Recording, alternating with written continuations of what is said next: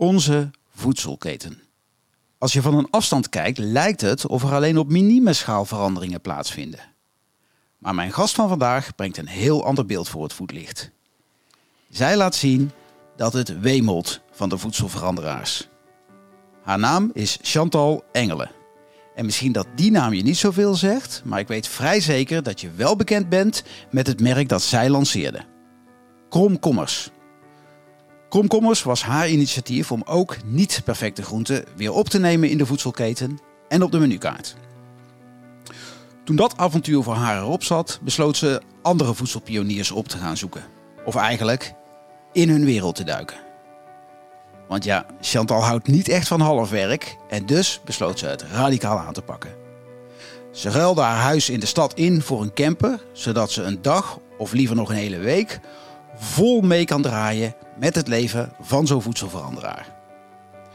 Om niet alleen te horen en zien, maar echt aan de lijve te ondervaren hoe die werkt aan een gezondere voedselketen. Een gezondere voedselketen zowel in het eten dat het oplevert, als de manier waarop mensen met elkaar omgaan. Op peaceofme.com deelt ze wat ze meemaakt tijdens haar reis langs vernieuwers van de voedselketen. En een van de meest verrassende partijen die ze bezocht was voor mij het aloude hak. Nou, die had ik echt niet onder de voedselveranderaars geschaard. Maar van de andere kant, dat is misschien ook wel het meest hoopgevende. Dat ze dat wel zijn. Want als ook een grote speler als hak beweegt, misschien is er dan al veel meer gaande dan jij en ik doorhebben. Tijd om daar eens in te duiken. Wat is de rode draad van deze initiatieven? Wat levert het op als dit gemeengoed wordt? En wat kunnen jij en ik doen om dit te versnellen? Tijd voor het gesprek. Zoals altijd, eerst drie tips waarmee jij en ik aan de slag kunnen. En daarna volop ruimte om dieper de materie in te duiken en Chantal zelf beter te leren kennen. Geniet van het gesprek, kies de tips die jou passen en doe wat je kunt.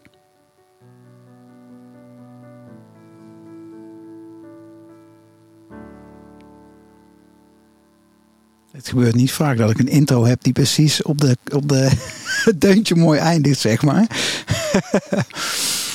uh, welkom.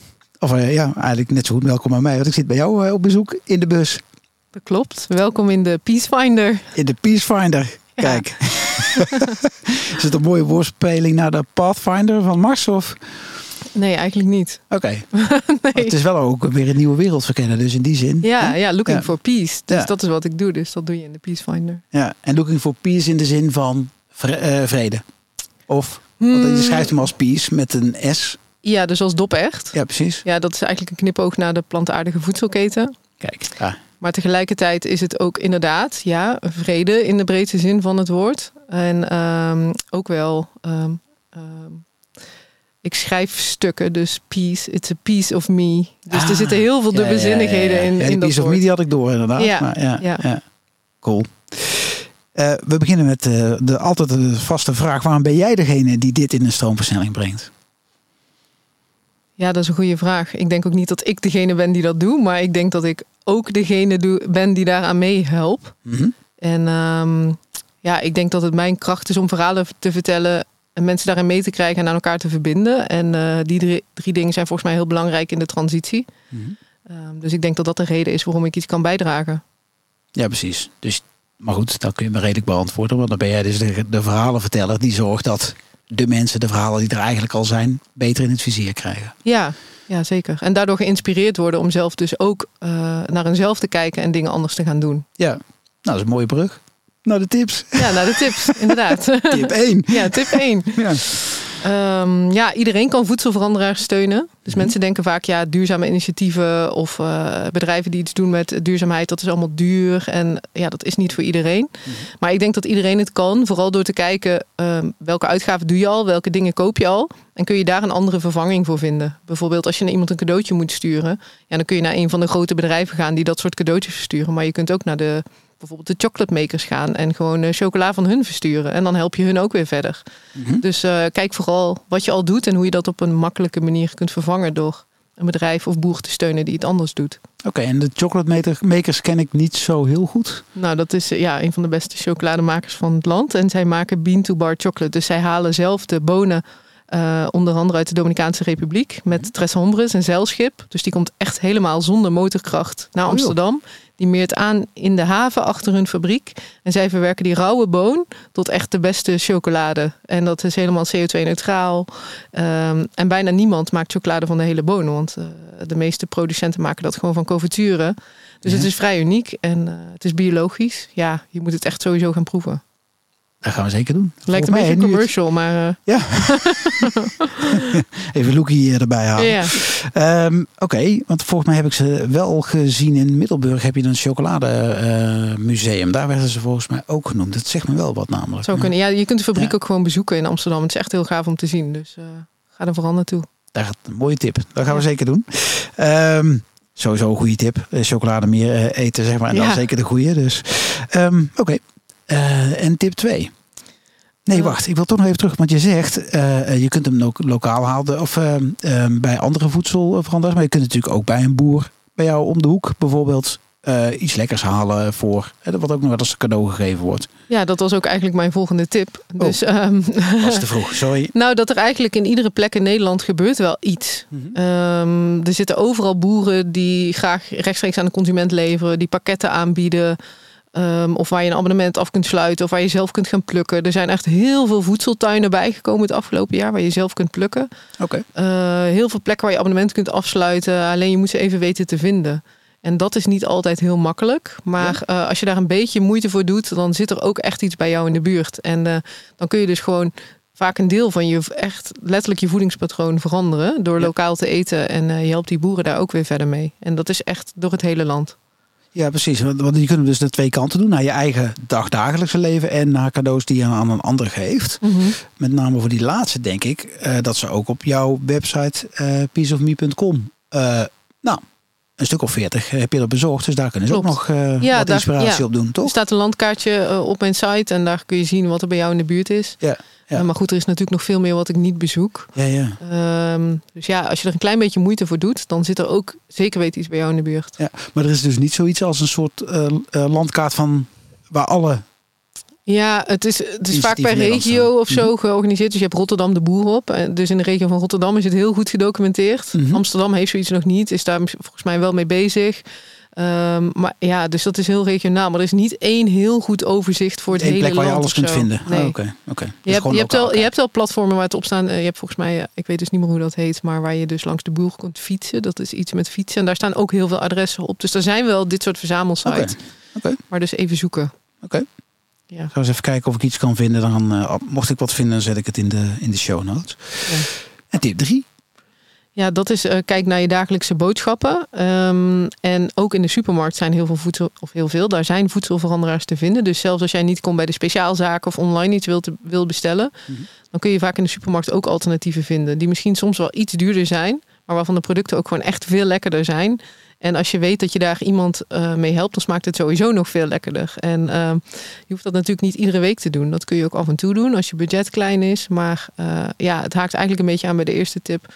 Iedereen kan iets doen. Ja, En, precies. ehm, ja. En een kleine stap is altijd nog beter dan ja, geen stap. precies. Ja, Dus je hoeft ja. niet meteen zelf een moestuin te, eh, te gaan starten. Je kunt ook gewoon ondernemers helpen. Mhm.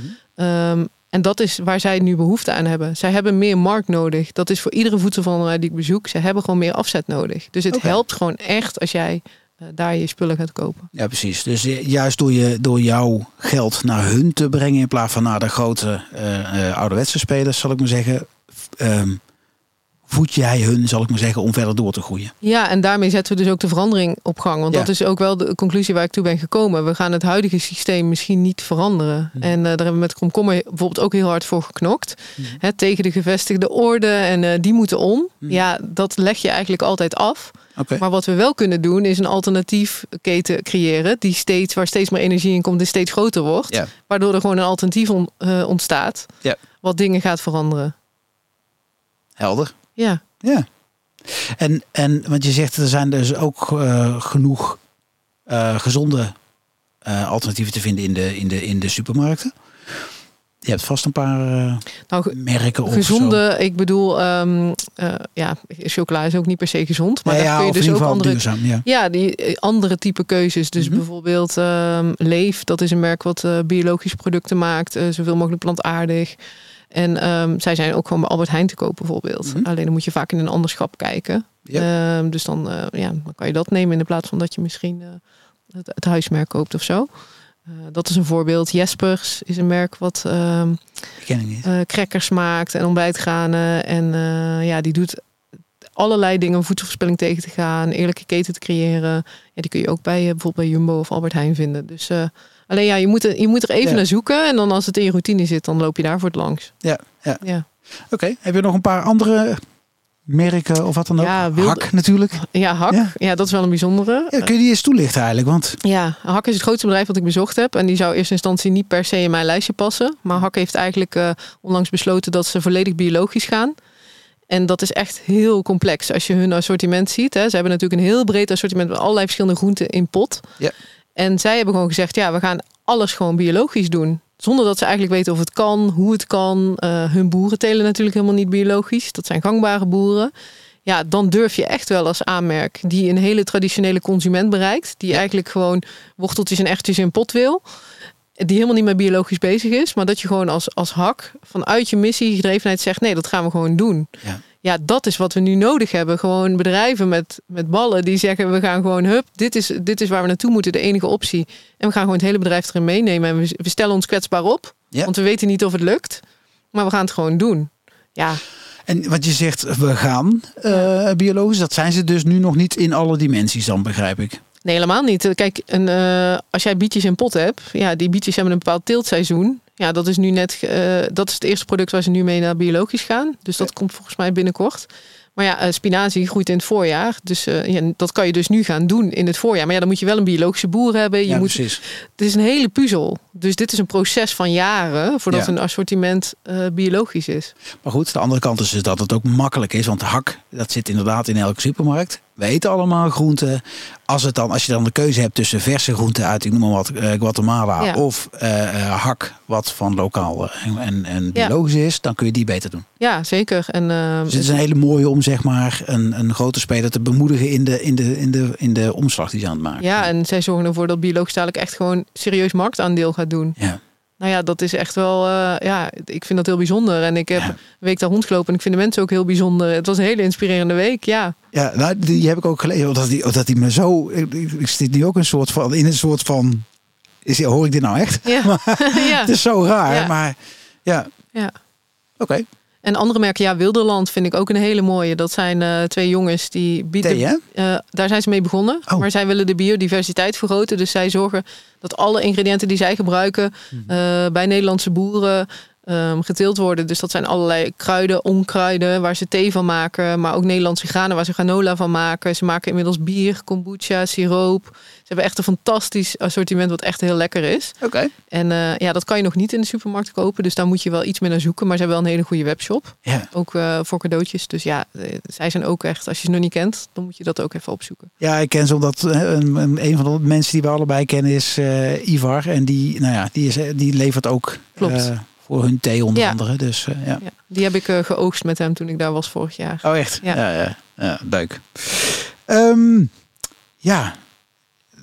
Een, een vraag die bij mij opkwam. Hè. Je, de, in de intro zei ik al, je bent eh, ooit begonnen met komkommer. Je schudde al, nee, want je bent niet de enige. Je hebt het samen met anderen gedaan. nou, jij hè. zei kromkommers, maar het heet kromkommer. Zei, ik- zei ik dat toch? Oh, ik heb het nog opgezocht. Dat is dan een tikfout. Oké, Eh, nee, spelfout. ja. Een spraakfout. Ja.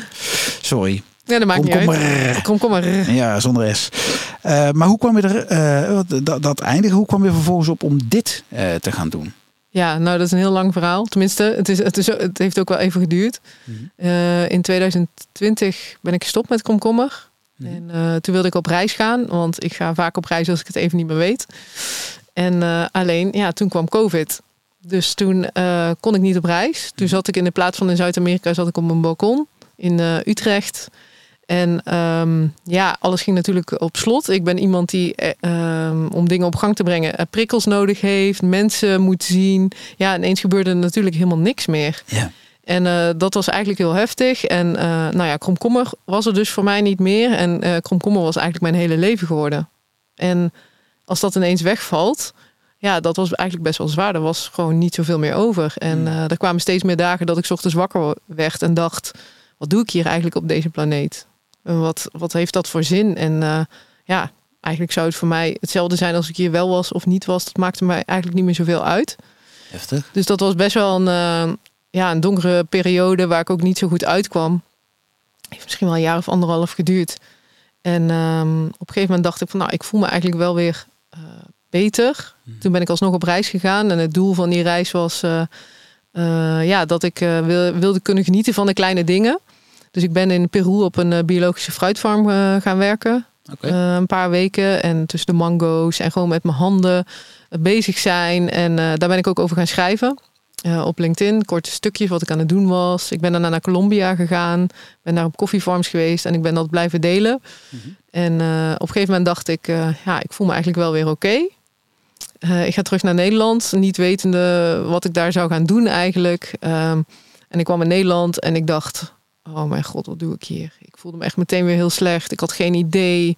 Ik dacht, ik ga maar gewoon een baan zoeken. Dus ik ben gaan eh, solliciteren. En bij iedere sollicitatie dacht ik, ja, ik kan dit gaan doen. Maar ja, en dan of zo? Ja, ja. Dan, Je werd er eh, niet blij van. Nee, en ehm, ja, ik besefte gewoon meer en meer dat het hele 9 tot 5 werken om je huis te betalen.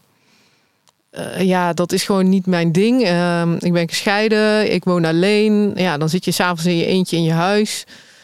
Ik dacht, ja, dit hele leven, dat past eigenlijk gewoon niet meer bij me. En op een gegeven moment viel alles een soort van, ja, er kwam zo'n lampje in mijn hoofd, net als dat in een stripboek hebt. Mhm. En ineens dacht ik, ja, dat is het. Ik ga gewoon eh, echt radicaal eh, het anders doen. En wat maakt mij nou altijd zo blij op, op reis? Dat is mensen ontmoeten. Dat is nieuwe ervaringen, veel buiten zijn. Kan je dat in Nederland niet doen? En eigenlijk kwam alles samen. Dat werken op die boerderijen wat ik gedaan heb in eh, Zuid-Amerika. Dat schrijven erover. Dat het leven anders doen. Dat reizen. Ik dacht, ja, ik ga, ik ga gewoon op reis door de voedselketen. En eh, ik wil eigenlijk daar veel meer over leren. Dus kan ik niet overal een soort van stage lopen. Ja, ja. En dat leek me eigenlijk heel leuk. En dat piece of me, dat zat meteen in mijn hoofd. En ik ben dat, dat idee gaan voorleggen aan drie mensen in mijn omgeving. Aan wie ik vaak ideeën voorleg. En die zeiden meteen, en dat doen ze niet vaak, zeiden ze, ja, dit is het. Toen heb ik eigenlijk binnen drie dagen besloten, oké, dit ga ik doen. Eh, huis opgezegd, camper gekocht. En eh, eh, allemaal spullen weggedaan. En toen twee maanden later vertrokken. Ja, met niet echt een verdienmodel of echt een heel duidelijk plan. Ik wist ook niet of mensen op me zaten te wachten. Mhm. Maar ik dacht, ja, ik ga het gewoon doen en ik zie wel wat er van komt. En, En toen, want op een gegeven moment krijg je bemoediging. En je kreeg de bemoediging van die drie. Ja, nou, ik merkte sowieso dat eh, ik was mijn website aan het maken en ik was bezig met die bus en alles viel continu op zijn plek. Eh, Hele kleine dingen. Ik had de naam Piece of Me bedacht. Nou ja, weet je, die URL ging claimen. Nou, die bestond gewoon nog. En eh, ja, alles werkte gewoon mee. Dus ik dacht, oké, ik ben gewoon echt op de goede weg. Het En is een- ja, ja. Daar heb ik geen seconde over getwijfeld. En nou, ik kwam als eerste bij IVAR terecht. Dus Ja, ja, dat was geen betere start kunnen zijn. IVAR is gewoon super inspirerend als mens en als boer. En Mhm. Heel, heel fijn begin. En eh, ja, daarna, het was even zoeken om daarna plekken te vinden. Want mensen zijn, denken toch van, ja, wat kom je doen een week? En dan kom je dan aan de keukentafel zitten. En dan moeten we voor jou koken. En waar douche je dan? En ja, mensen zijn het... Ja, ja, maar ja, mensen zijn natuurlijk niet gewend dat er iemand een week met hun me- meeleeft. Dus dat is Ja. in het begin was dat best wel even eh, zoeken. Maar ja, op een gegeven moment zien bedrijven en boeren dat bij elkaar. En eh, ja, dan werd het eigenlijk steeds makkelijker. En werd ik ook gevraagd. En ja, nu een jaar later. Ik, even, dit is misschien een rare vraag, maar ja, die mogen dan. Ehm, wat, wat, wat, wat waren de, de, de- wat, wat, wat, wat noemen ze een hele bijzondere? Even los van Ivan, want die, die heb je me al verteld eh, buiten dit gesprek. Maar wat was er Ja. eentje waarvan je denkt, nou, dat was wel echt een, eh, om een of andere reden bijzonder voor je? En wat is de reden van bijzonderheid? Oh ja, ik, ik vind dat echt, want veel mensen vragen me dat, maar eigenlijk was iedere week om, op een andere reden bijzonder. Dus ehm, ja, ik ben bijvoorbeeld met Leef zijn we op roadtrip eh, geweest naar Duitsland om de productie van eh, een, een, nieuw pro- product van hun eh, te zien. Dat heette Yes Peace.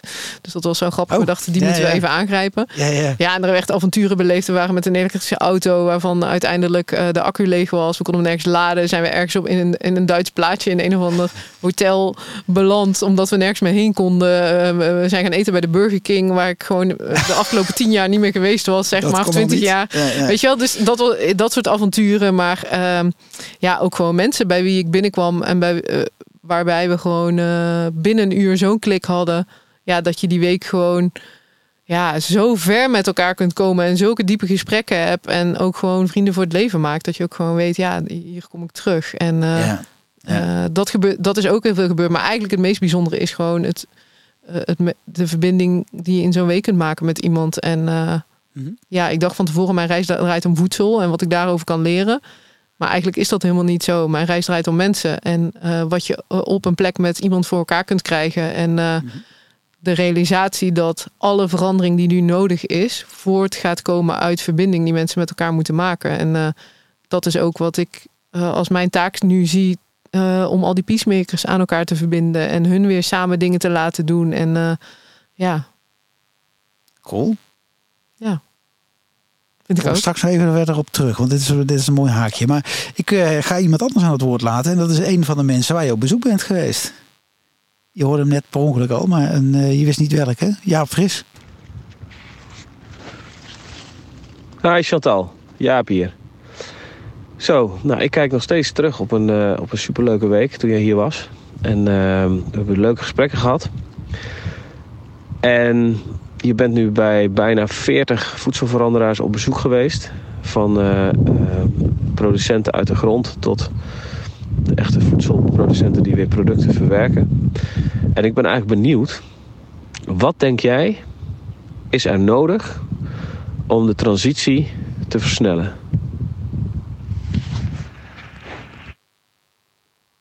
Ja, goede vraag. Vond ik ook. Ehm, ik denk twee dingen. Samenwerking. Dat is echt wat mij nog steeds verbaast. Ehm, dat bijvoorbeeld de plekken waar ik kom, eh, dat zij elkaar onderling niet kennen. Zelfs Oh ja. als hun business heel dicht bij elkaar ligt. Mhm. Terwijl ik denk, ja, jullie hadden al lang moeten samenwerken. Ehm, Ja. Dus mensen met dezelfde missie moeten elkaar echt gaan opzoeken. Want anders dan gaat, gaan ze het allemaal individueel uiteindelijk niet redden. Ja. Dus dat is echt heel belangrijk, samenwerking. En ehm, ehm, hè, dus boeren onderling, maar ook boeren met, met bedrijven, bedrijven onderling. Je kunt elkaars klant zijn. Ja. Eh, dus dat is echt, echt een hele belangrijke. En ja, de tweede is ook wel financiering. Echt al alle eh, peacemakers waar ik kom, hebben gewoon vaak moeite met financiering of groeikapitaal. En terwijl volgens mij is er echt genoeg geld, maar ja, op een of andere manier voldoen deze bedrijven daar niet aan omdat ze een te hoog risico hebben. Of eh, ja, dit zijn allemaal koplopers. Zij zijn aan de Ja. pionieren. Ja. Er zijn geen zekerheden. Nou, en, en ehm, dan even misschien een, een, onverwachte crossover. Maar als je kijkt naar hè, wat op dit moment... eh, nou, we zitten nu, eh, het is nu 10 op 11 oktober. Ehm, de protesten tegen de fossiele subsidies... die zijn voorlopig even opgeschort... omdat we ermee aan de slag gaan. Ik vraag me al een tijd af... Joh, die, als we die 37,5 miljard... als we daar nou 10% 15% van naar deze voedselveranderaars zetten... voor mij Ja, al is het 1%. Ik bedoel, ja, het is natuurlijk Niet meteen afdingen, hè? Nee, eh, maar. Ja. Het is natuurlijk. 20. Ja, ja, nou ja, kijk, wat mij betreft de helft. Maar ehm, ja, eh, wa- wat deze voedselveranderaars nodig hebben, staat natuurlijk niet eens. Ja, dat is een schril contrast met, met dit soort bedragen. Dus het, Ja. eh, ze- ja, deze groep kan met eigenlijk al relatief weinig zoveel verder geholpen worden. En Ja. ehm, dus ja, financiering is belangrijk, maar ook afzet. Dus ik merk ook gewoon nog veel te veel dat consumenten die er wel mee bezig zijn en eigenlijk ook wel willen, niet doen. Mhm. Ja. Dus Ja. ja, ehm, Dus daar kom je eigenlijk op terug. Ik dacht dat het tip 1 was. Ja. Echt, eh, ga kijk doen. wat je kan doen. En al- hoe Zorg klein... dat je guldenland, of je, eh, gulden hoor mij, de euroland op de plek waar, je, Ja, waar, die, eh, waar die het meeste rendeert. Ja. Voor de toekomst. ja, en dat is dus... eh, want heel veel duurzaam gedrag, dat kost je iets. Dat doet, doet een beetje pijn. Hè? Dat denken Mhm. mensen tenminste. In dit geval is het niet, want het is vaak gewoon ook lekkerder en leuker. Dus Ja. het brengt je ook echt iets. Maar ja, je moet even iets moeite, moeite voor doen. Was super belangrijk dus. Beter om eh, iets minder spullen, maar wel veel meer waarde voor je euro te krijgen. Ja. En zo de waarde in de wereld eh, eh, Ja. te stuwen. Ja, Schappig, dat, daar zit toch best wel een impact volgens mij ook. Hè? Wat we als, eh, er wordt vaak gezegd, het is niet alleen aan de eh, bewoners. Hè? De, de beter milieu begint bij jezelf. Dat Mhm. is simpel gedacht. Dat denk ik overigens ook.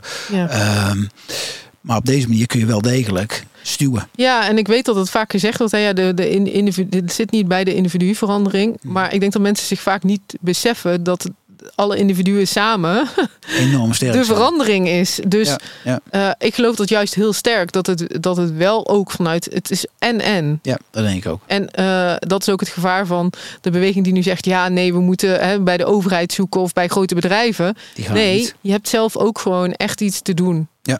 Ik heb wel eens gedacht hè, in, eh, in, in, in Breda, waar ik woon, om, eh, of zelfs in de wijk waar ik woon, om eens, ehm, maar dan ook goed aan te pakken door te zeggen, weet je, we gaan gewoon een, een week lang een, een, een vleesvrije week doen.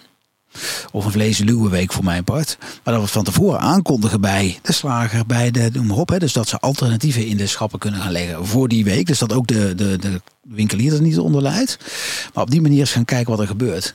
Ja, Want ik denk dat het heel hard kan gaan. Hetzelfde met, met, eh, nou, met eh, dat kun je op heel veel plekken doen, denk ik. En dan zie je de kracht van het individu, zeg maar. Of van de, van de samenwerkende individuen. ja, dat is ook zo. Ja. Ja. en sowieso denk ik, ja, je wilt ook zelf ook gewoon iets bijdragen en iets doen. En eh, ja, kijk gewoon wat in jouw eh, straatje past. Ja, maar je zit natuurlijk twee mensen uit dezelfde bubbel, zou je kunnen zeggen. Maar, Ja, en ik-. Ik, ik snap dat, maar ik geloof iedereen die, ehm, zeker als je kinderen hebt, Mhm. iedereen denkt na over de toekomst van zijn kind. Ja. Dat, Ja. dat kan gewoon dat je daar niet, niet over nadenkt. Ja. Dus eh, ja, eens. ja. Ik, heb, eh, ik wil even een vraag eh, behandelen die in de intro ook voorbij kwam. Want wat is de rode, als je nou kijkt, want je hebt er nu een stuk of 40 of een kleine 40 eh, gesproken, zeg maar. Kun je wat rode draden delen die je ziet onder al die voedselveranderaars? Wat, wat zijn de gemeentedelers zo'n beetje? ja, ik denk dat het allemaal mensen zijn die werken vanuit hun hart. Mhm. Dus die echt een bepaalde missie omarmd hebben en ook voelen dat dat het, hetgene is wat ze moeten bijdragen in deze wereld.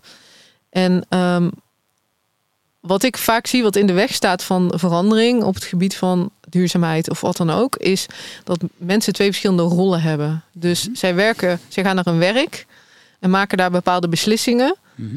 ehm, omdat dat bij hun werkrol past. Terwijl als ze s'avonds thuiskomen en ze zich zorgen maken over de toekomst van hun kind, zouden ze misschien die beslissing helemaal niet maken.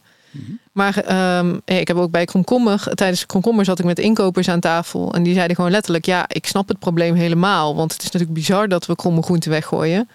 Maar ja, ehm, even weer eh, switch naar de realiteit. Eh, om reden X, Y, Z gaan we er toch niks mee doen. Want Ja. marge, bladibladibladibla. Ja. Oké, ja. eh, dus uiteindelijk, als je dus veel beter gaat luisteren naar wat je echt zelf belangrijk vindt. Mhm. En daar ook gaat ook op acteren op je werk. Dan zou je misschien naar je leidinggevende gaan en zeggen: hey, moeten we hier misschien toch niet iets mee doen? Want.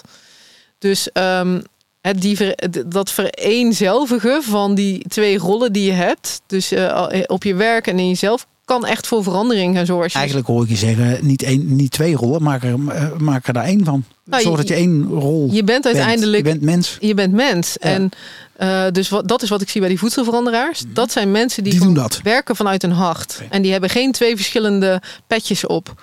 En dat kan ook als jij gewoon bij een bedrijf werkt of Ja. eh, op kantoor, maakt niet uit.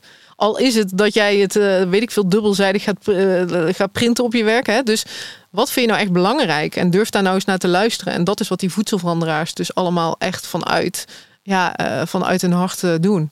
Dus daar zit de sleutel voor verandering. Ja. Klinkt een beetje als begraafde functionaris. en, eh, en vierde mens. Of, of, of, of laat de mens bloeien die je bent. Ja. dus stop met die, met die tweede. Ja, misschien moet je eerst even gaan uitvogelen wie je bent. Want Ja. dat weet misschien nog niet iedereen. Ja, ja. Dat is ook best wel ingewikkeld. Is het ook. Ja. Ja. Ehm, Oké, maar de rode draden vroeg ik. Hè? Dus je, je zegt werken vanuit het hart. Je zegt, je maakt crossover naar mensen die eh, in, in, in twee, eh, t- twee, Ja. twee pakjes aan hebben. Ja. Pakje, ik ben op mijn werk. Pakje, ik ben thuis. Ja. Ehm, hè, of de kloffie. ja. Andere dingen? Ehm, ja, het zijn natuurlijk allemaal mensen die gewoon echt ongelooflijk eh, hard werken en eh, vaak een enorm bord voor hun kop hebben. Dus eh, een soort van eh, eh, eh, bijna eh, een soort enorme naïviteit. Mhm. dat herken ik van mezelf ook heel erg vanuit mijn komkommertijd. Eh ik geloof dat het kan, dus ik ga het gewoon doen. Terwijl iedereen in je omgeving denkt, ja, oké, leuk dat je het wil proberen, maar dat gaat natuurlijk echt niks worden. Mhm. En juist dat is wat je nodig hebt om dingen in verandering te brengen. En dat Ja. zie je dus ook bij deze ondernemers. Die staan dan plannen te vertellen waarbij iedereen denkt, ja, het zal allemaal wel. Mhm. Maar dat is wat zorgt dat ze dingen gaan veranderen. Dus Ja. Dat, dat, ja, dat is ook wel echt een, een rode draad. Ehm, ja, een andere is dat ze het allemaal gewoon best wel pittig hebben. Mhm. Dus uh, ja, het is onzeker wat zij doen. is onzeker of ze zo hun geld kunnen gaan verdienen. Ze opereren eigenlijk met een nieuw model in een oude markt. Die dus nog helemaal niet ingericht is op wat zij doen. Mhm. Ja, dat is ook het pionieren. Hè? Het continu je kop stoten. En ja, misschien ook wel dat ik zie dat veel van deze ondernemers het misschien helemaal niet gaan redden op de lange termijn. Maar dat dat misschien... Ja, dat was een volgende vraag. Ja, maar dat dat misschien ook helemaal niet hun taak is. En dat klinkt misschien heel ja? uh, raar, maar uh, ik denk sommige ondernemers die, um, die zijn er ook gewoon om het pad te gaan leggen, uh, zodat andere dingen anders kunnen gaan doen. En dat is vaak het lot van uh, mensen die natuurlijk innovatief bezig zijn. Dat jij niet altijd degene bent die er het geld mee gaat verdienen. Dat zijn vaak de bedrijven die na jou komen.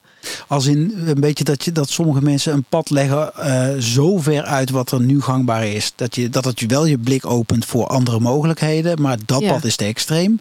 Dat je ergens halverwege uit gaat komen of zo. Dat bedoel, nou ja, dat, dat andere mensen een, een, een ja, die pioniers, die voedselveranderaars laten zien wat ook kan of wat wel kan. Mhm. Uh, maar omdat ze, nog, omdat ze zo ver voor de troepen uitlopen, zijn het niet per se degenen die dat nu al kunnen verwaarden naar een uh, businessmodel wat helemaal rond te maken is. Terwijl de bedrijven die dat na hun gaan doen en een beetje gaan kopiëren en van hun leren, die gaan dat misschien wel kunnen. Ja. En dat is natuurlijk ergens heel krom, want je wil juist dat eigenlijk die pioniers degene zijn die er ook van gaan profiteren. Ja, ja. Maar ja, dat, ja, zo werkt het gewoon niet altijd. Dat is eigenlijk heel zuur. Een beetje als Van Gogh hè, klinkt het zo, als je het zo beschrijft. Die, die is bij leven nooit ja. heeft hij de successen gevonden. Terwijl ja. degene na hem zijn er één, werd hij een succes, maar we zijn er ook heel veel in zijn, zijn pad ja. doorgegaan, zeg maar. Ja, dat heeft er ook mee te maken hoe wij natuurlijk succes uiteindelijk beschouwen. Hè. Succes is financieel succes, dus maak je winst met je bedrijf. Ja. Terwijl als we impact maken als succes zouden gaan beschouwen, en dat zou ook terugkomen in je boeken, mhm. dan waren deze ondernemers allemaal stuk voor stuk mega succesvol. Maar ja, zo kijken we daar niet naar. Dus we zijn ook gewoon echt toe aan een herziening van wat succes is. Dat is, uh, dat is een mooie uitspraak, maar een flinke uitspraak ook. Dat heb je niet zomaar voor elkaar, zeg maar. Ik geloof er wel in. Maar... Uh, nou ja, ik denk dat we daar aan de ene kant ook wel nu al mm, voorbeelden van zien. Um, nou ja, je hebt natuurlijk wel steeds meer uh, aandacht voor impactrapportages. En je ziet dat de overheid bijvoorbeeld gaat inkopen bij bedrijven die bepaalde impact willen maken. Um, en daar zijn criteria voor. Dus er is mhm. wel een beweging gaande. Maar ja, natuurlijk op grote schaal in het kapitalistische systeem is dat nog geen ding. Dus uh, ja, daar zijn we nog wel echt heel ver vanaf. En daar gaan die kleine ondernemers zeker nu niet van uh, profiteren. Nee. En ja. Oké. Ik denk wel eens, hè, je hebt, er is een model dat heet het uh, model van voorspelbaar succes. Uh, waarbij um, aan de ene kant, het begint met een, een briljant idee en dat wordt dan met, allerlei tussenfases van, van onrust groeit dat tot, tot bepaalde wasdom. En aan de andere kant zie je dan totale beheersing en controle, zeg maar. Waarbij, uh, en, en, en in het midden, zeg maar, zit het stuk, daar komt de naam vandaan, voorspelbaar succes. Als je, als je beide goed in de goede balans weet te houden, dan blijf je vernieuwend genoeg om uh, relevant te blijven. En blijf je, uh, en ben je beheersend genoeg, zeg maar, om het ook nou, financieel ook goed te laten lopen, zeg maar. Um, en ik heb al een paar keer gedacht in, in wat jij vertelde. Veel van deze pioniers zijn pioniers. Dus die zijn heel goed om iets, iets te bedenken en het, en het wortel te laten schieten enzovoorts. Maar het stuk van hoe krijg je het nou onder controle, zeg maar. Je zou bijna denken dat zou niet een juist dat is een mooie slag naar wat je zei over samenwerking. De samenwerking gaat krijgen tussen de staande bedrijven die, die dat stuk beheersen en de vernieuwers die andere middelen vinden om het, om het voor elkaar te gaan krijgen. Dat je dat in plaats van dat het een strijd wordt tussen oude wereld en nieuwe wereld, dat je een samenwerking tussen oude en nieuwe wereld gaat krijgen. Ja, ideaal wel natuurlijk. Mm Maar ja. Ik zie hem. Ik zie. Ik zie uh... Nou ja, ik denk dat het vaak heel ingewikkeld is om dat soort samenwerkingen echt goed van, eh, van, uh, van de grond te krijgen. Omdat mhm. ze gewoon beide anders opereren en andere idealen hebben. En dat is vaak ingewikkeld. Ja. Maar ja, dat zou natuurlijk wel de ideale situatie zijn. Oké. Dat je die samenwerking krijgt. Je hebt het bij Komkommer, heb je, gaf je net een mooi voorbeeld. Hè? Als je dan vanuit impact kijkt naar Komkommer, ja, ja, dus mensen zeggen ook heel vaak van... ja, jullie hebben zoveel bereikt, want hè, het onderwerp op de agenda... en uh, uh, heel, ja, hè, dus uh, veel bewustwording daar rondomheen. En ja, dat klopt ook. En alleen, ja, het, het, het, bedrijf zelf is geen financieel succes. En dat is de andere kant. En dat is voor jezelf als ondernemer uiteindelijk natuurlijk ook een, een gevolg. Dus Dat is grappig, want dan trek je jezelf dus aan de lat van geldelijk. Terwijl je net zegt, het moet juist om andere dingen gaan. Ja, alleen. Dat is begrijpelijk, hè? Ik ben- Maar- eh, ja. eh, ja. maar mijn punt is dus eigenlijk dat je impact moet gaan verwaarden, zodat Ja. je er zelf als ondernemer iets aan hebt. Ja, zo. Dus ja, ja. ehm. Hè, ja, ik heb echt eh, acht jaar lang mijn leven gegeven aan deze missie. Mhm. Heel hard voor gewerkt. En ik heb dat geld was voor mij niet eens. Daar was ik echt totaal niet mee bezig. Mhm. Dat is ook misschien een van de redenen waarom Komkommer uiteindelijk nooit financieel succes is geweest. Ik ben meer idealist in mijn hart. Ja. Maar als er natuurlijk een verdienmodel was geweest voor die impact die we eh, gemaakt hadden. Ja, dan had ik uiteindelijk misschien ehm, op mijn veertigste er wel anders bij gezeten toen ik eh, besloot wat anders te gaan doen. En had je het financieel beter voor jezelf voor elkaar gehad. Want daar loop je uiteindelijk natuurlijk zelf in je persoonlijke leven tegenaan. ja, dan heb je daar weer te veel last van. Ja. Ja, dus je Ja. moet wel voor jezelf kunnen zorgen. En dat is iets wat ik me te laat misschien heb gerealiseerd. Dat dat ook heel belangrijk is. Mhm. Oké. En, en stel nu dat het lukt. Hè? Nee, ik zit nog eventjes terug naar de, naar de, naar de rode draad. Hè? Dus, eh, eh, ehm, ehm, werken vanuit het hart, eh, die twee rollen. Goed zorgen dat je ook de financiële kant goed op orde hebt. Zeg maar. Zijn er nog andere rode draden? Of dat dat best een, een, worsteling is? Nog iets anders wat is opgevallen? Ehm, Ik heb het idee dat er veel ook dicht op de natuur zitten, zeg maar. Dus dat het, dat het percentage eh, vervormend product waar je mee werkt, dat dat weinig is.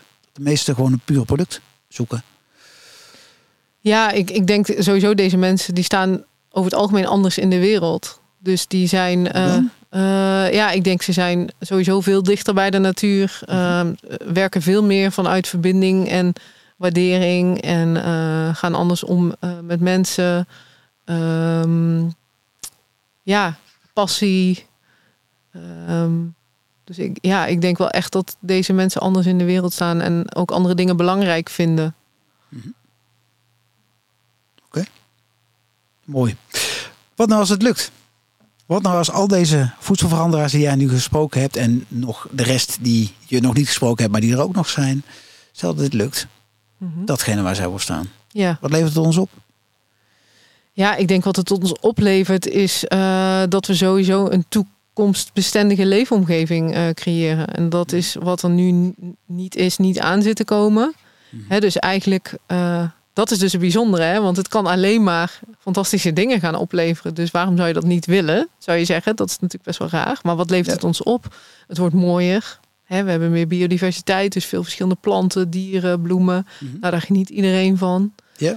We hebben gezonde voedsel, waar je gewoon zelf... eh, hè, het kwam twee weken geleden in het nieuws dat de helft van de Nederlanders eh, kanker krijgt. Nou, Ja. dat is best wel heftig. Was het twintig jaar geleden nog maar een derde of zo? hè? Ja, daar, volgens mij moeten we daar iets mee. Mhm. En ehm, ja, dus we moeten eh, gezonde voedsel, we krijgen gezonde voedsel dan, omdat de bodems gewoon gezonder worden. Mhm.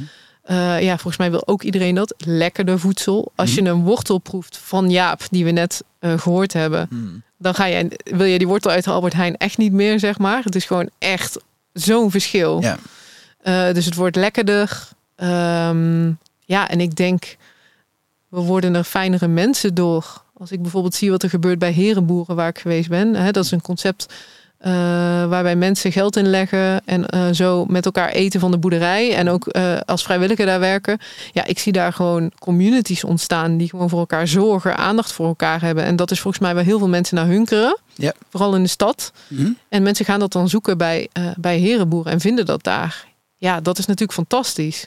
Dat het kan. Dus ja, dat gaan we ook krijgen. Dat mensen gewoon liever voor elkaar gaan zijn. En, Ja. Wat, want je zegt, het is eigenlijk gek dat we het niet doen. Wat, wat staat er in de weg? ja, mensen Is dat zijn zo de gewoonte? Ja, mensen zijn gewoontedieren. En eh, dit is het systeem. Daar is alles op ingericht. Mhm. Dingen anders doen is ingewikkeld. Je moet er moeite voor doen, terwijl je ook heel veel andere dingen te doen hebt.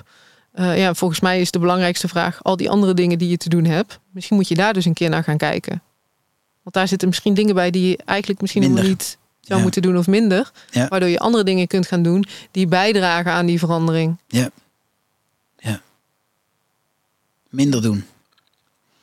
Ja, ja, en Misschien meer richten op de dingen die je echt leuk vindt. En de minder leuke dingen gewoon kijken wat je daarvan... Ja, dingen die je leuk vindt, maar dingen die dus ook uiteindelijk waarde hebben voor, Ja. je, voor jouzelf of voor de toekomst van je kinderen. Of, eh, Ja. ja. En waarschijnlijk vind je die dingen ook heel leuk, namelijk. Oké. Ik eh, ga weer iemand anders aan het woord laten. Dat is uh, Joska. Hij heeft het regelmatig gehad over dat we leven in een maatschappij en hoe mensen daar financieel voor in beloond worden. Uh, dat is eigenlijk nu niet op basis van wat ze bijdragen aan de maatschappij of aan een betere wereld, maar op basis van economische vooruitgang. Vooruitgang tussen haakjes. Uh, nu weet ik dat geld voor jou absoluut geen motivator is om je werk goed te doen, uh, maar het is helaas wel broodnodig. En ik kan me voorstellen dat het soms best wel eens demotiverend is als je een fantastische bijdrage levert aan een betere wereld en daar maar matig financieel voor beloond wordt. Hoe zorg jij ervoor dat jouw drive, jouw missie hierdoor niet beïnvloed wordt? Jeetje, wat een moeilijke vraag. Ja. Dit is inderdaad Joska, een vriendin van mij. Ooit als uh, vrijwilliger bij Kromkommer uh, gestart, ja. lang geleden. Ja. Uh, poeh, ja, vind ik een hele moeilijke. Want ze stelt deze natuurlijk niet, uh, niet voor niks. Ehm, ik denk dat de meeste mensen die echt vanuit hun hart met een missie bezig zijn, zich niet, helemaal niet snel hierdoor laten beïnvloeden, omdat het vaak helemaal geen drijfveer is. Dat zie ik mhm. om me heen, maar dat zie ik ook bij mezelf. Um, maar het is natuurlijk wel een voorwaarde. Je moet voor jezelf kunnen zorgen. Ja. En um, het is soms frustrerend dat ik zie dat, uh, dat er enorme bedragen uitgegeven worden aan partijen die eigenlijk helemaal niks uh, uh, toevoegen aan de wereld. Terwijl de mensen die er keihard voor knokken, ja, echt voor iedere cent eh, heel ver moeten gaan. Ja, hoe zorg je dat je niet gedemotiveerd wordt? Ik vind het best wel een lastige eigenlijk. Ik denk dat ik het antwoord misschien niet helemaal weet. Om, ik, ik denk sowieso, als geld een motivatie voor je wordt, dan... Uh, ja, uiteindelijk leidt dat alleen maar tot problemen. Maar het moet je niet in de weg gaan zitten. Dus hè, het moet je niet beperken in, uh, in je werk te kunnen doen. En ik denk, ja, dan moet je dus best wel creatief worden.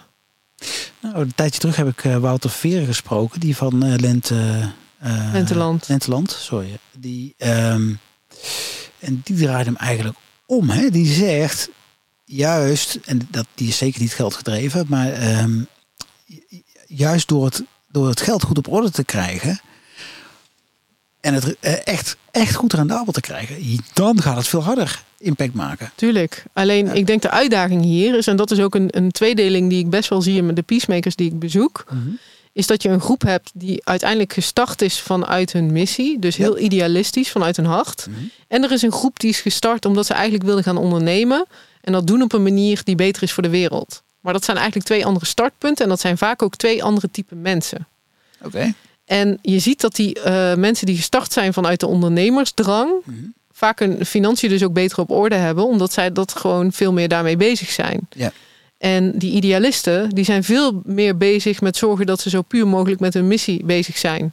En ik schaar mezelf ook onder die laatste groep. Ja, ja, ja. En het is heel moeilijk om van iemand die heel missiegedreven is te verwachten dat ze dus heel, erg, goed met die financiën bezig zijn. Ja. En dat is de uitdaging. Dus um, ja, ik vind hem heel logisch. En Wouter heeft helemaal gelijk. Mm. Maar ja, de aard van het beestje, uh, daar zit dat gewoon niet altijd in. Dus dan komt dat vaak op de tweede plaats. Terwijl je bent, foremost ben je ondernemer. En dat betekent dus dat je uh, geld moet gaan verdienen. Mm -hmm. Maar ik, ja, dat uh, tijdens mijn beginjaren van Kromkommer zat, dat beseffen bij mij ook niet in. Ik was gewoon zo bezig met dat doel en dat probleem de wereld uit helpen. Ja. En ik begon me steeds meer te realiseren hé, hey, wacht eens even. Ja, we moeten dit wel doen op een manier waarmee je geld kunt verdienen. Geïnspireerd ook door Tony Chocoloni, hè, die dat gewoon wel heel goed gedaan ja, heeft. Ja. Uh, maar er zijn, ja, er zijn gewoon veel minder voorbeelden van bedrijven waarbij dat gewoon goed lukt. Gelukkig zijn er wel nu heel veel in, in, in, die er aankomen volgens mij waarbij dat anders gaat zijn. Maar ergens, dat is wel het leuke dan van want Wouter en uh, Jaap, hè, die de, de eerste vraag uh, van een ander zal ik maar zeggen stelden, dat die het wel samen doen. Dus daar heb je een. Eh, Klopt. daar komen die twee werelden mooi samen. Ja, zeker. Ja, dus Als, dat, als je die partnerships kunt maken, dat is natuurlijk het beste. Ja. Dat je iemand in je omgeving, als je dus zelf heel weet van jezelf dat je heel idealistisch of activistisch bent, zorg dat je iemand in je omgeving hebt die gewoon weet hoe je van een dubbeltje een kwartje moet maken. Ja, precies. Ja, mooi. Goeie tip. Um, extra tip. Um, ja, we gaan even wat meer naar eh, Chantal zelf toe. Um, wij hebben elkaar, ja, ik volg je al een tijdje um, wat meer op afstand. En toen in maart van dit jaar uh, deelde je een post die je misschien wel de spannendste vond, zoals je zei. Um, en toen had je iets bijgeschreven als, want het zal de route van mijn persoonlijke reis mede gaan bepalen. Ja. Wil je daarover vertellen? Ja, dan moet ik denk ik eerst toelichten wat die, waar die post over ging, toch? Dat kan, ja. Anders dan is het misschien een beetje... Ja, of, of welke kant het op gaat. Doe bij beide. Ja, Ja, ja, ja. ja. Ja. klopt. Ik schreef een verhaal over mijn eh, ervaring bij een truffelceremonie. Mhm. Dus eh, wat het eigenlijk is, is je, je eet eh, psychedelische truffels. Mhm. En vervolgens, eh, dat doe je begeleid. Eh, je hebt gewoon een oogmasker op, je ligt op een bedje en er zijn begeleiders bij. En ja, vervolgens maak je een, een, een interne, eh, een innerlijke reis, zeg maar. Dus je bent een paar uur lang eigenlijk eh, onder invloed van die truffel, eh, heb je een bepaalde ervaring. En bij mijn ervaring, ja, dat is eigenlijk onbeschrijfelijk. Ik zou zeggen, je moet het vooral lezen wat ik opgeschreven heb, want het is heel moeilijk onder woorden te brengen. Maar Ik zal de link ook bij de, in de dingen zetten. Ja. In de show notes. Ja. Dus wat ik eigenlijk meemaakte is dat ik ehm, in een soort van goddelijke omge- ja, in contact kwam met het goddelijke. En als ik God zeg, dan bedoel ik niet het, dat mens wat we daar soms mee bedoelen. Mhm. Maar dat was eh, ja, een soort ander universum waarbij ik totale eenheid voelde met alles wat daar is. En met de natuur, met de mensen om me heen. Ehm, ja, eh, een soort van ultiem gevoel van zijn. En ehm, terwijl ik mezelf altijd best wel zag als een heel rationeel, nuchter persoon. En ik heb niks met spiritualiteit. En wat, hè, dat is voor andere mensen. Mhm. En eh, ja, ik werd eigenlijk gewoon eh, keihard uit die state of mind geramd. En eh, ik werd, het tegendeel werd mij toen getoond. En ehm, ja, toen ik daar, hoe ik daaruit kwam, heeft eigenlijk daarna inderdaad alles veranderd. En dat is meteen heel lastig uit te leggen.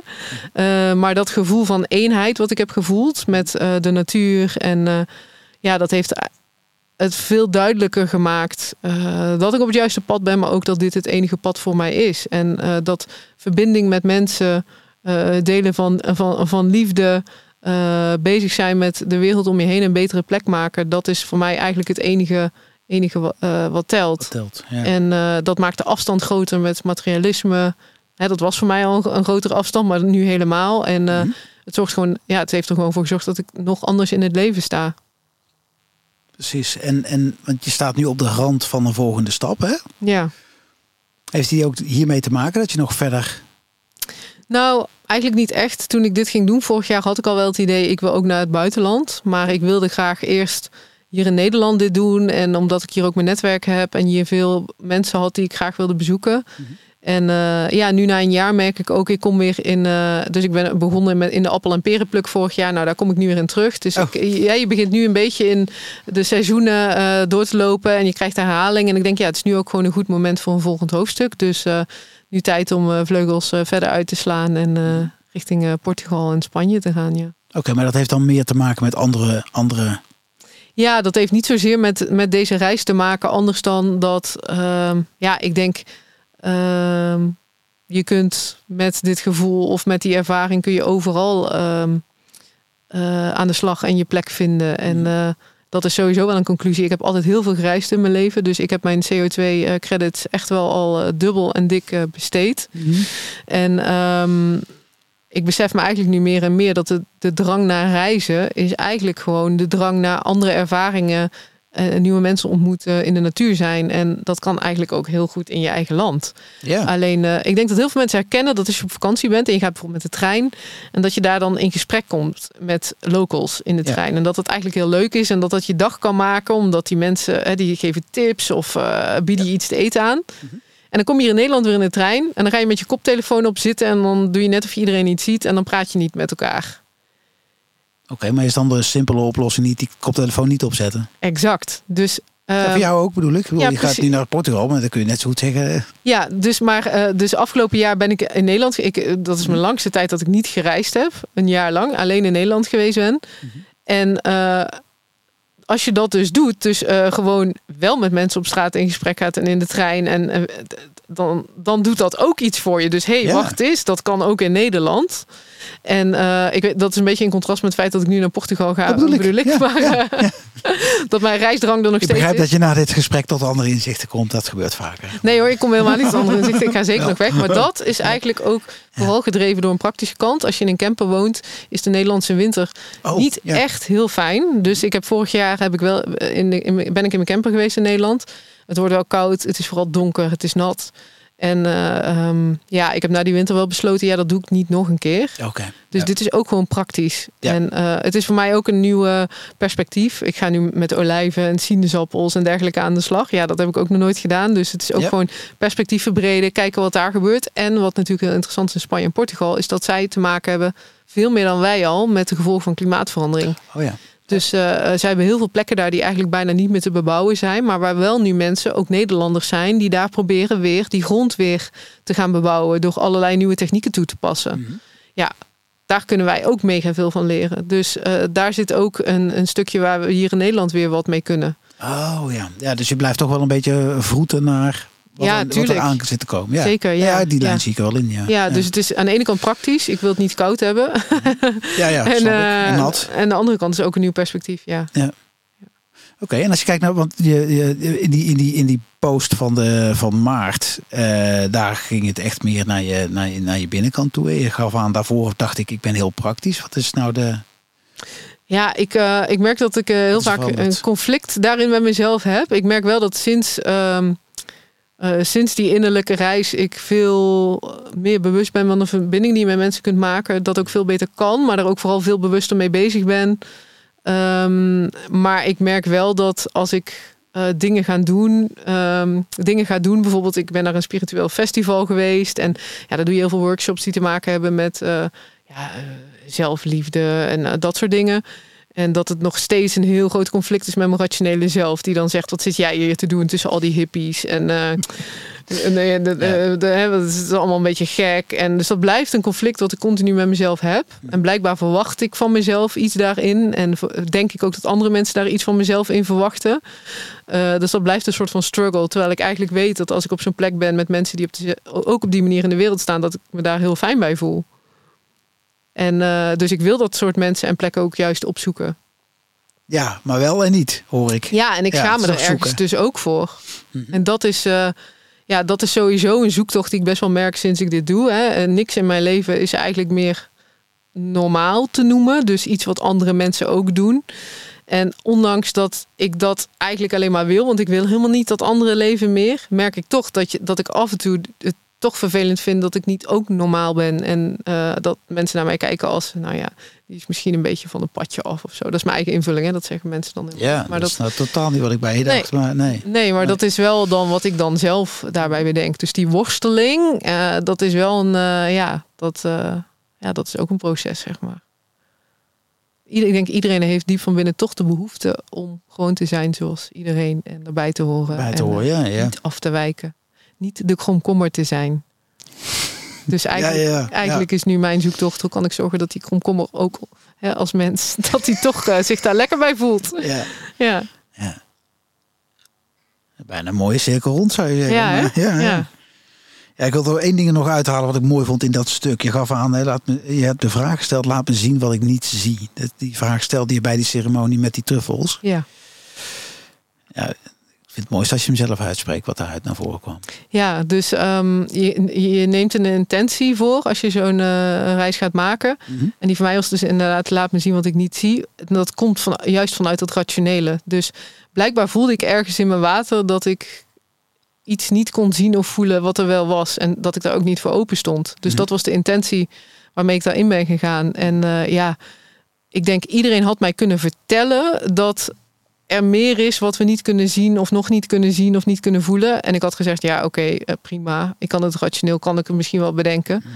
Maar als je dat vervolgens voelt, ja, dat was zo alles overtreffend dat, dat het gewoon geen twijfel meer laat of zo. Dus ik denk, ja, die intentie die is keihard ingelost. En, eh, Maar ja. weet je nog wat het was? Want je zei, dat is mijn levensmissie geworden. Nou, laat me Of zien wat. schreef je? Ja, Nou, wat er tevoorschijn kwam. Nou, ik, ja, laat me zien wat ik niet zie. Dat is, dat is dus dat, die, dat gevoel van eh, eh, het goddelijke, die energie, die eenheid. Mhm. En ik denk ehm, daarvan uit leven, ja, dat is wel, dat was misschien eigenlijk al mijn pad. Alleen zag ik dat misschien nog niet zo heel duidelijk. Dus eh, die hele innerlijke reis was daar ook een bevestiging van. Ik weet nog dat ik op een gegeven moment gewoon hartstocht, ja, er komen heel veel emoties los tijdens zo'n trip. En dat ik echt hartstochtelijk heb liggen huilen. Gewoon vanuit het gevoel van thuiskomen. Oké, nu begrijp ik wat ik al die jaren eigenlijk heb willen voor elkaar krijgen. En ehm, nu valt alles een soort van op zijn plek en is het logisch. Mhm. En uh, ja, blijkbaar had ik die bevestiging toch ergens nodig of zo. En ehm, ja, dus ja, ja, mijn, ja, mijn mijn levensmissie. Maar eigenlijk was het dat al. Dus mensen aan wie ik dit vertel zeggen, ja, maar ja, zo dat deed je allemaal toch al en dat was toch al zo. Mhm. Oh ja, ja, dat is eigenlijk ook zo. Maar op een of andere manier voelt het nu logisch en is het op zijn plek gevallen. Ja. Nou, je, je, zoals je in de, in de tekst verwoorden was dat we in vrede met elkaar zouden moeten samenleven en respect moeten hebben voor alle levende wezens en de planeet. Ja. Dat, is, dat vond ik zo'n mooie zin. Ja, dat, ehm, er, zat een, uh, de, de, er wordt muziek gespeeld tijdens een trip en dat is best wel belangrijk. Dat bepaalt heel erg de flow. En uh, daar zat een, een soort van hele lange soort van preek in. Mm. Waar uh, die begon met, ja, we leven in tijden van verandering en oh, dimensies gaan veranderen. En meteen kwam dat rationele allergie bij mij op. Ja, Ik dacht, ja, wat is dit nou voor een, uh, voor een secte? En uh, dat ze dit spelen, wat belachelijk. En uh, heel erg die frustratie. En toen bleef ik luisteren. En toen op een gegeven moment, inderdaad, ja, ehm, zijn we niet gewoon hier met, met elkaar om in vrede te leven en het fijn te hebben met elkaar en te zorgen dat de wereld een fijne plek is. En toen begon ik echt zo heel hard te huilen. En toen dacht ik, ja, dat wil ik ook. En ehm, dus ja, dat was echt mijn innerlijke conflict van dat rationele mens. Die eigenlijk diep van binnen voelt dat dat is waar het om draait. En um, uh, ja, ik, kan, ik, ik voel dat dus nu nog steeds als ik het hierover heb. En uh, uiteindelijk heeft iedereen zo die behoefte. naar liefde en uh, een plek die fijn is. En, um, en we doen er alles aan om dat gewoon niet te creëren. En jij ook dus. Als je dat voor een deel zegt. Je, je zegt ook, er zit ook wel die ratio in mij. Ja, maar ik, ik zeker. En je moet ook ratio hebben, want mm. anders dan wordt het, nou ja, weet je, dan krijg je denk ik ook niks meer voor elkaar. Maar ik heb nu wel mijn pad zo gekozen dat het, dat het bijdraagt aan mijn missie. Ja, precies. En natuurlijk ben ik nog steeds met mezelf af en toe in conflict. En ja, Don't we all. Niets menselijks is me vreemd. Zeg ja. ja. Het uh, wordt tijd om te gaan afronden. We, uh, ik, heb, ik vraag altijd een, uh, een muzieknummer te doneren voor de playlist. Vertel. Ja, die sluit eigenlijk heel erg aan bij wat ik net zei. ik was op Lowlands dit jaar voor de eerste keer. En ik ben naar Wende gegaan. Ik kende Wende helemaal niet eigenlijk. En um, in het begin vond ik het ook niks. Ik wilde weggaan, maar ik ben gaan luisteren. Mhm. En op het eind uh, speelde zij het nummer uh, Hou me vast. Mhm. En zij deed een hele intro. Hij staat op YouTube trouwens. Je moet eigenlijk die intro moet je eigenlijk horen. Want uh, ja, die vond ik echt prachtig. Maar waar het eigenlijk op neerkomt is dat heel veel mensen denken dat ze alles alleen moeten kunnen. En sterk zijn, knokken.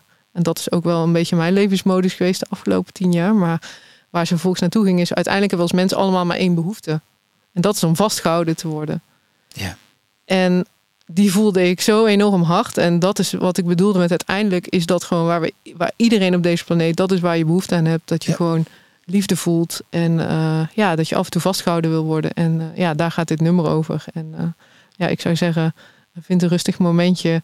En zet je volume hoog. En en dan met name de YouTube variant dus, niet de Spotify. Ja, het liefst haar optreden op, uh, op Lowlands, waar je haar intro uh, bij hebt.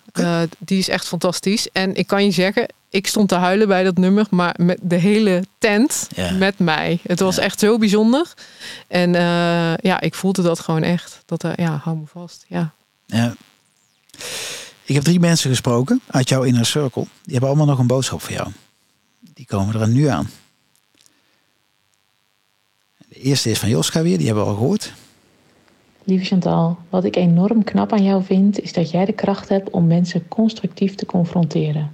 Op de man af, maar zonder ze te beledigen. Je dwingt anderen als het ware ertoe om op een andere manier na te denken. Volgens mij kun je dit zo goed omdat je zelf heel goed weet waar je voor staat. En je spreekt vanuit je hart en je verhaal is ook nog eens enorm goed onderbouwd. Je bezit daarmee de gave om andere mensen aan het denken te zetten om ze te raken in hun hart en aan te zetten tot het doen van nieuwe dingen. En dat vind ik enorm bewonderenswaardig. Keep up the good work, honey. Lisanne? Ja, lieve Chantal, uh, waardering en aanmoediging voor jou, dat past sowieso niet in één of twee minuten. Uh, maar ik ga een poging doen een beknopte versie met je te delen. te beginnen met de waardering die ik heb voor hoe eerlijk je altijd bent. In onze samenwerking bij Kromkommer heb ik dat echt enorm gewaardeerd. Zowel onderling als richting samenwerkingspartners en collega's. Je neemt geen blad voor de mond en dat doe je ook echt altijd voor de goede zaak. Met een zuivere intentie. En van die directheid heb ik echt wel heel veel geleerd. En die waardeer ik nog steeds in jou. Ik wil je ook uh, bedanken dat je een rol speelde in belangrijke fases in mijn leven. Uh, waaronder het ondernemerschapsavontuur wat we samen hadden bij Kromkommer. En waar ook voor mij het moederschapsavontuur begon. Uh, en daar heb je me echt houvast gegeven en de nodige aanmoediging om te begrenzen. zelfs al waren wij toen samen volop aan het rammen en beuken als het om werk gaat. Um, dat is me echt heel veel waard dat je dat hebt gedaan en dat je dat ook hebt kunnen zien. Uh, verder waardeer ik hoe jij in je werk altijd, maar echt altijd denkt vanuit verbinden, communities. Dat samen altijd beter is. En dat bewijs je ook op een hele mooie manier door hoe jij je werk doet. Um, en uh, ook mooi om te zien hoe je dat nu steeds meer voor jezelf ook um, ja, het leidende principe maakt. Samen en met hulp van anderen. Uh, en als laatste, ik waardeer je passie. Uh, de vurige energie die jij hebt. en die je bewust en onbewust altijd je richting aanwijs hebt laten zijn. En dat wordt steeds explicieter. En ik denk dat dat een inspiratie voor velen is. Um, nou, nog, nog veel meer te delen. Maar dit is denk ik een mooie samenvatting van wat ik in je waardeer. Um, en ik stuur je heel veel liefs en succes. En als laatste je zus. Hoi Chantal, um, ik wil even tegen jou zeggen dat ik het heel knap vind uh, van jou hoe jij al jaren bezig bent met het verbeteren van de wereld om je heen. Uh, je hebt je huis opgezet, eh, zegt om je hart te gaan volgen. En uh, je weet eigenlijk op maandag nog niet eens waar je de maandag daarna bent. Nou, dat zou ik zelf echt nooit kunnen. Je bent de laatste jaren steeds meer je eigen pad gaan volgen. Je bent veel dichter bij jezelf gekomen, denk ik. je hebt je, je muurtje laten zakken, je bent zachter geworden. En dan ben je eigenlijk relatief gezien nog maar net begonnen. Dus wij zijn super trots op jou. Doei doei!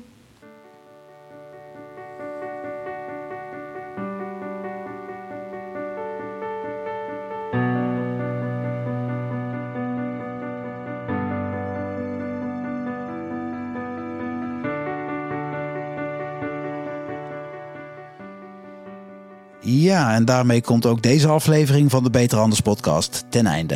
Allereerst Chantal, super bedankt voor een mooi gesprek en uh, goede tips. Uh, luisteraar, mocht het nou zo zijn dat jij nog aanvullende vragen hebt aan Chantal of aan mij, of dat je denkt, ik weet nog wel een andere goede gast voor uh, bij jou aan tafel, stuur dan een mail naar ludo.beteranders.nl. Uh, ja, dan rest me weinig anders om je te vragen om vooral in actie te komen. Want daarmee maken we het verschil. En uh, tot de volgende keer.